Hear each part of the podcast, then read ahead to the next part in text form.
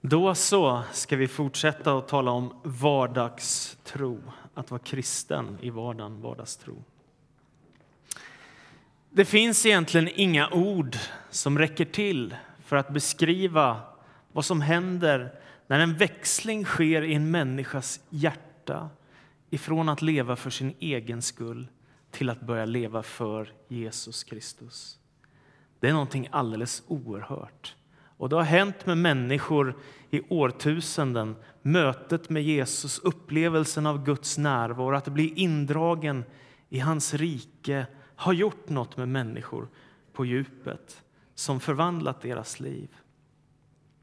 I torsdags så satt jag på sjukhuset här i Karlstad tillsammans med vår diakon Britt-Marie. Och vi var hos Kajsa.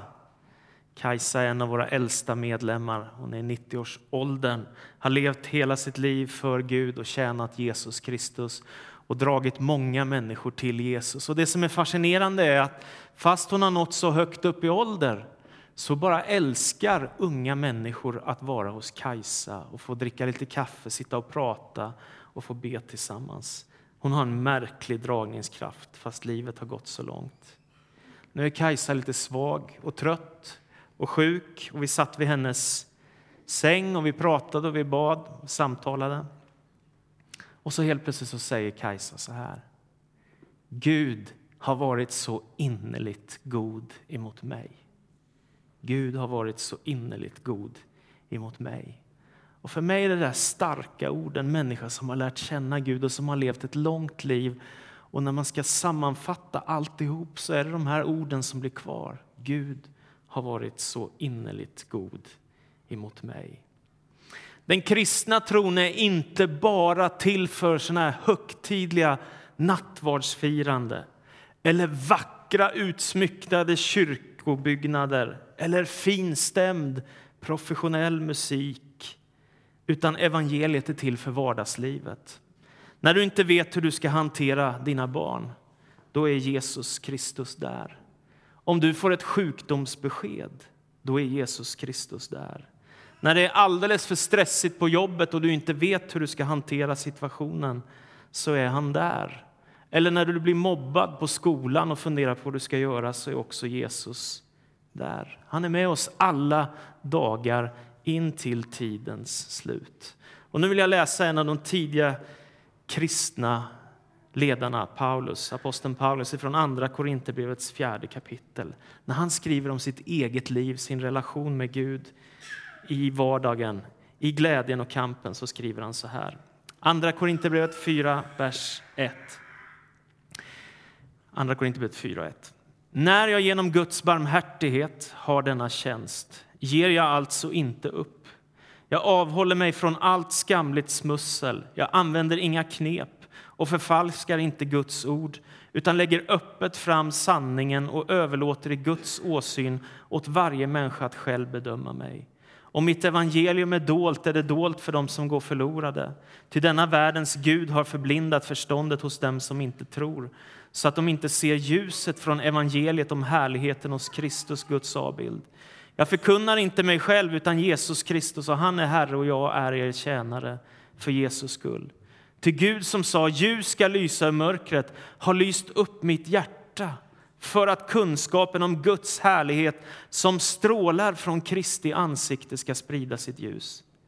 Men denna skatt har jag i lerkärl för att den väldiga kraften ska vara Guds och inte komma från mig. Alltid är jag ansatt, men inte kringränd rådvill, men inte rådlös förföljd, men inte övergiven slagen till marken, men inte förlorad. Alltid bär jag med mig i min kropp den död som Jesus fick lida för att också Jesu liv ska bli synligt i min kropp. Ty jag, som är vid fullt liv, utlämnas för Jesus skull ständigt till att dö för att också Jesu liv ska bli synligt i min dödliga kropp. Alltså verkar döden i mig och livet i er. Men jag har samma trosvissa ande som i skriften där det står Jag tror, därför talar jag. Också jag tror och därför talar jag. Jag vet ju att han som uppväckt Herren Jesus ska uppväcka mig med Jesus och låta mig träda fram tillsammans med er. Allt detta sker för er skull, för att nåden ska nå allt fler och hos allt fler väcka en överflödande tacksamhet till Guds ära. Därför ger jag inte upp. Även om min yttre människa bryts ner förnyas min inre människa dag för dag. Första orden som Paulus skickar med oss är Ge inte upp. Ge inte upp. När jag genom Guds barmhärtighet har denna tjänst, skriver han, så ger jag alltså inte upp. Den här den här mannen, Paulus, är medveten om vad Gud har gjort i hans liv. Och nu skriver han till församlingen i Korint i Grekland för att förklara situationen, det som har skett kring honom. Han har gått igenom oerhörda svårigheter, allvarliga kriser, så svåra att han har fruktat för sitt eget liv, att han skulle överleva. Så tufft har det varit. Men Paulus har också mötet med Jesus med sig som han hade gjort på vägen till Damaskus där hans liv blir fullständigt upp och nervänt och han börjar leva för Kristus. Och så har Gud kallat honom till tjänst för sitt rike och nu har han blivit den viktigaste förkunnaren, predikanten av alla. Därför att han reser runt i hela romarriket för att tala om Jesus och så sprids evangeliet och församlingar byggs upp. Det är mycket i livet som möter oss som är tufft. Det är mycket i livet som är svårt. Och det är väldigt lätt att känna att man får lust att kasta in handduken och bara lämna allt. Det kan kännas som att det är hopplöst, det kan kännas som att det inte finns någon väg framåt för en. Ändå finns det ett budskap här. Och det är att vi inte ska ge upp. Även om du kämpar i din familj, ge inte upp. Även om det är tufft på ditt arbete, ge inte upp. Även om du känner dig väldigt ensam ibland, så ge inte upp. Om, möt, om motgångar möter dig, så kom ihåg att Kristus är vid din sida och han ger aldrig upp med dig. Det kan vara lätt att känna jag vill ge upp, men han ger aldrig upp med dig. Och han är densamme igår, idag och i all evighet. Och det bästa med detta det är att dina prövningar och svårigheter och motgångar de kan driva dig närmare Jesus. Så var det för mig. Tidigt i mitt liv när vår familj hamnade i sorg så drev det mig till Gud. Det var en hjälp för mig, mitt i all smärta, att ta mig närmare Jesus. Och Du kan få känna att Gud kommer att bära dig genom stormiga hav och tuffa motgångar. Han är hos dig. Nästa det är detta enkla, den urkristna bekännelsen som Paulus bygger sin grund på, där han säger Jesus Kristus är Herre. Och därför säger Paulus också, jag förkunnar inte mig själv, utan jag förkunnar Jesus Kristus och han är Herre och jag är er tjänare för Jesu skull. I Korint, i församlingen där, så fanns det en mängd av nya ledare och de hade börjat gå vilse. Paulus kallar dem för de som kallar sig för väldiga apostlar. Det vill säga man lyfter fram sig själv. Här är vi de starkaste ledarna som finns i hela Korint och vi kommer minsann. Paulus har en helt annan bekännelse. Han säger, jag förkunnar inte mig själv, utan jag förkunnar Jesus Kristus. Det är han som är Herre och jag är bara en tjänare för Jesu skull. Det har skett en växling i hans liv från sig själv till Kristus. Och någon har jag hört säga så här att en sund utveckling i en människas liv den går ifrån att man kan börja säga jag och sen säger man jag och du. Och har man kommit riktigt långt i sitt liv så börjar man säga du och jag. Är ni med? Från jag till jag och du till du och jag. Det händer något i hjärtat på resan med Jesus. Hos Paulus finns en inre glöd, en passion, en eld för Jesus, en kärlek till Jesus som har vält omkull vardagslivets trivialiteter. En eld brinner i hans hjärta och han vill predika Kristus överallt dit han kommer och han har en bekännelse. Jesus är Herre. Och det anspråket gör ju att alla andra herrar underkänns som herrar. Och kom ihåg det här, ska du få ett citat som jag gillar. Kom ihåg att det som du är, det är Guds gåva till dig. Och det du gör med ditt liv, det är din gåva till Gud. Han har redan gett dig livet som gåva. Han har gjort dig till den du är. Vad du gör med ditt liv, det är ditt svar på Guds kallelse och kärlek till dig. Glöm inte det. Och jag vill också säga så här. Nöj dig inte med det goda livet. Det är så många, tycker jag, i vårt samhälle som söker efter det goda livet och sen är man nöjd när man har fått det.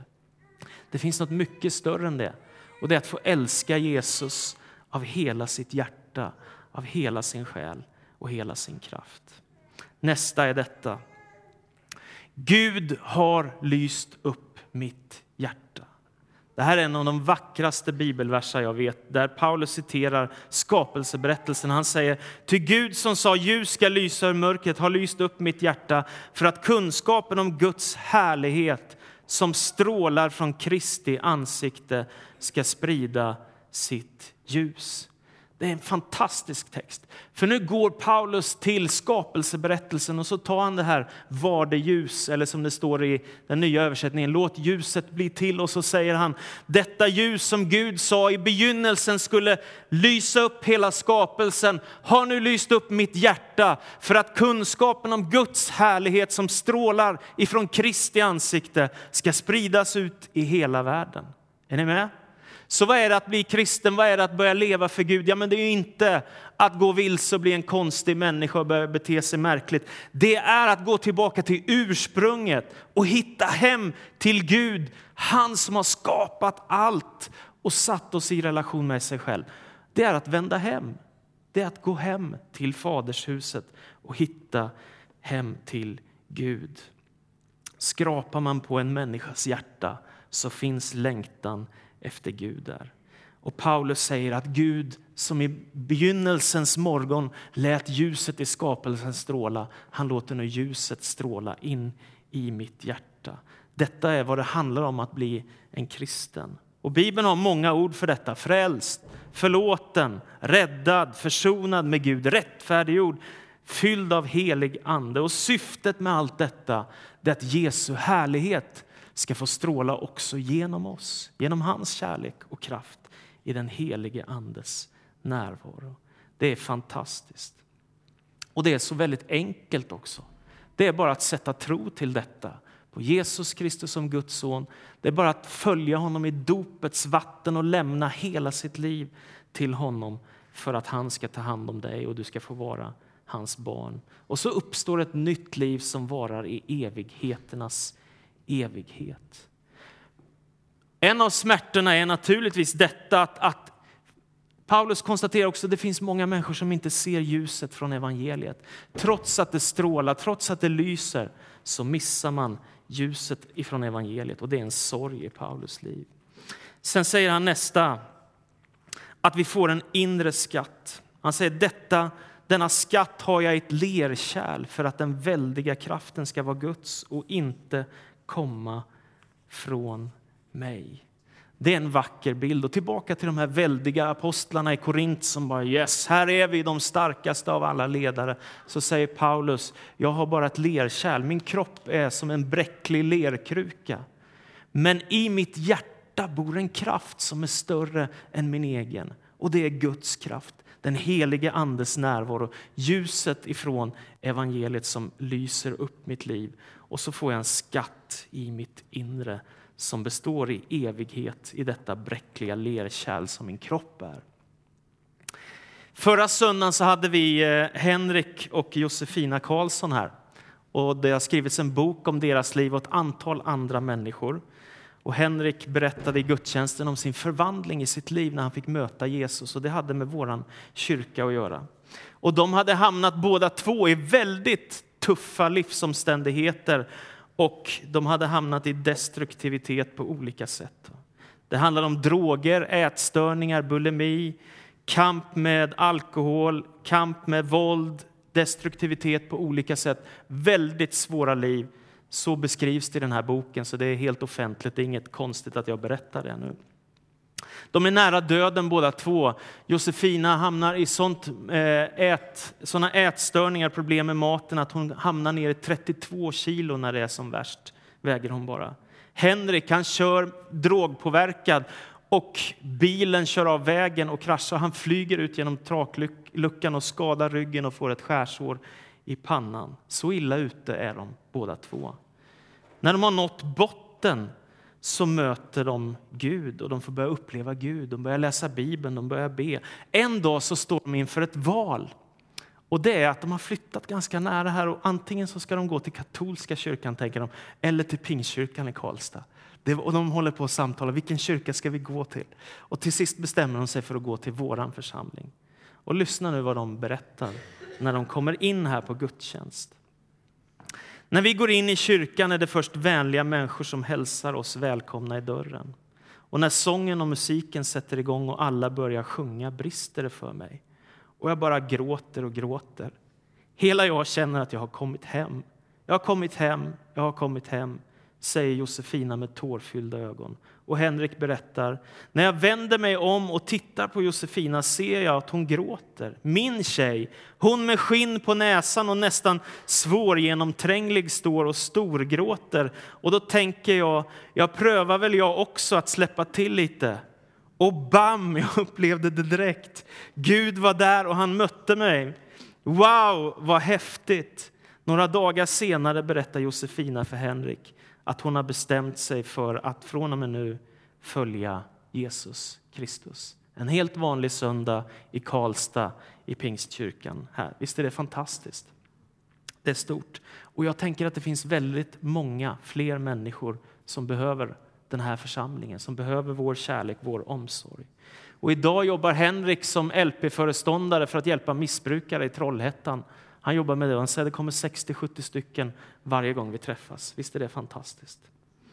Gud använder alla människor som vill stå i tjänst för honom. Och ett citat till. Om Gud bara ville använda perfekta människor skulle inte mycket bli gjort. Men nu använder han helt vanliga, bräckliga lerkärl. Den väldiga kraften kommer ifrån Gud, ifrån hans rike, från hans ande, inte från oss. Och det är Guds härlighet som lyser ifrån Jesu ansikte som kan lysa upp våra hjärtan, som ska spridas i världen. Nästa. Tjänsten för Gud och prövningarna. Jag tycker också det är väldigt befriande att läsa Paulus, för när man läser apostlagärningarna och skildringen i början där om Petrus och de första kristna kan man ju ibland undra över sitt eget liv när man möter sådana enorma kraftgärningar och människor i tusental som kommer till tro och fantastiska skildringar av andliga väckelser. Men så säger Paulus om sitt liv så här, som kristen. Allt är jag ansatt, men inte kringrädd Rådvill, men inte rådlös. Förföljd, men inte övergiven. Slagen till marken, men inte förlorad. Det är med de här omständigheterna som Paulus lever.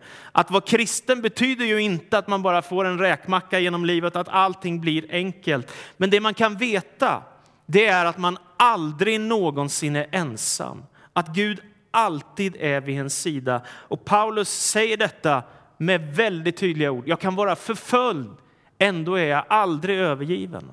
Är ni med? Förföljd, men inte övergiven. Rådvill, men inte rådlös. Kringränd, men, eh, ansatt, men inte kringränd. Det är med de omständigheterna som Paulus lever. Ändå vet han att Kristus är med honom och följer honom genom allt. Man brukar förklara det här på ett väldigt klokt sätt och det är att säga detta att Guds rike, det finns redan här och nu. Genom Jesus Kristus har Guds rike tagit sin plats i världen. Genom hans kärlek, genom hans kraftgärningar, genom hans församling, genom hans heliga ande. Här finns Guds rike. Men samtidigt lever vi i en kampsituation. Här finns också ondskan. Här finns lidandet, döden, svårigheterna, kampen. Och med båda de två polerna lever vi mitt i som kristna i Guds närvaro, med hans hjälp, med hans beskydd, med hans ande. Sen kommer det en dag när Jesus ska komma tillbaka ifrån himmelen för att hämta sitt folk hem till sig och en ny himmel och en ny jord ska bryta fram.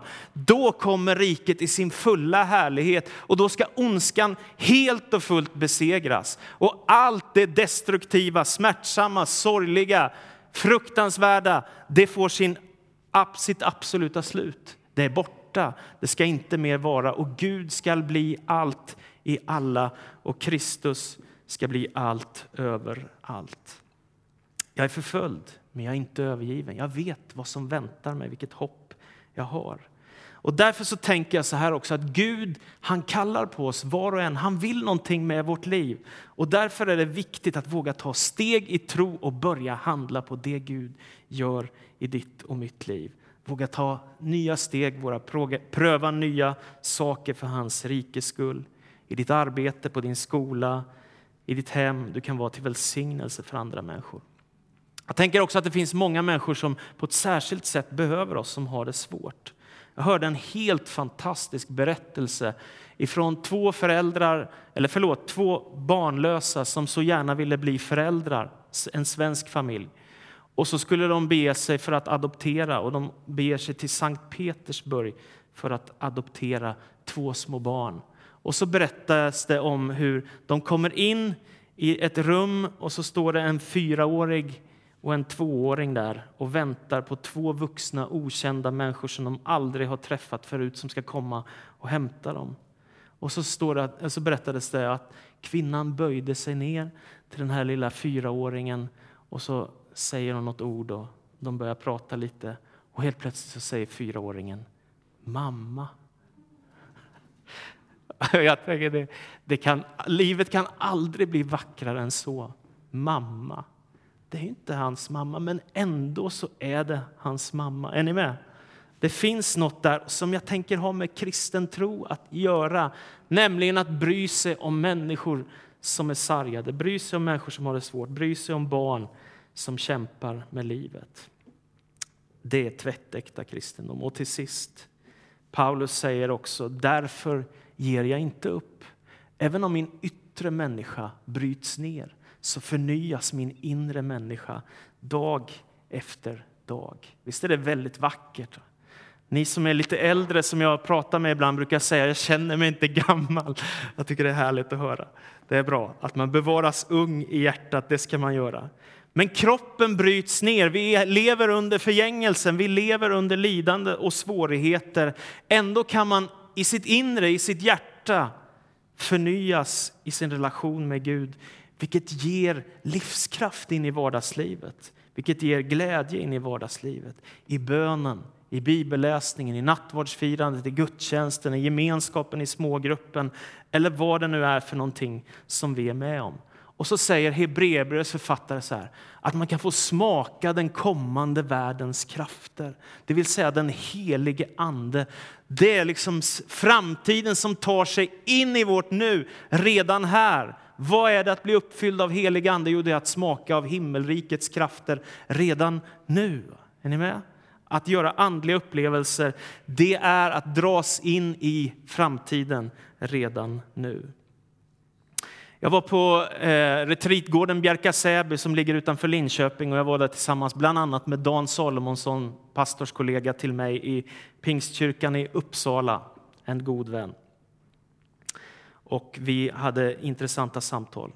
Så berättade han för mig om en helig upplevelse. Han berättar att han sitter hos en av sina vänner som är dödssjuk och livet går mot sitt absolut sista och det är väl de sista dagarna i livet. Och när han ligger där på sin sjukbädd så helt plötsligt så reser han sig upp liksom så mycket han kunde och helt plötsligt så börjar han profetera. Man får höra ett profetiskt budskap, en hälsning ifrån Herren sista dagarna i livet. Och jag tänker, det där är det att leva med Gud på riktigt, på allvar, på djupet, att ha den här inre relationen till Gud, att inte bara flyta fram genom livet utan förnyas till min inre människa dag efter dag. För att vara kristen, det är att vara en pilgrim, det är att vara på resa hemåt. Vi är på resa hemåt, på väg hem till Gud. Och Det kan vara så att man i början av sitt liv springer med kraft mot Gud och sen när man blir lite äldre så börjar man halta hemåt. Och till sist kanske man inte kan gå längre eller till sist så kanske man inte kan klara sig själv utan behöver hjälp.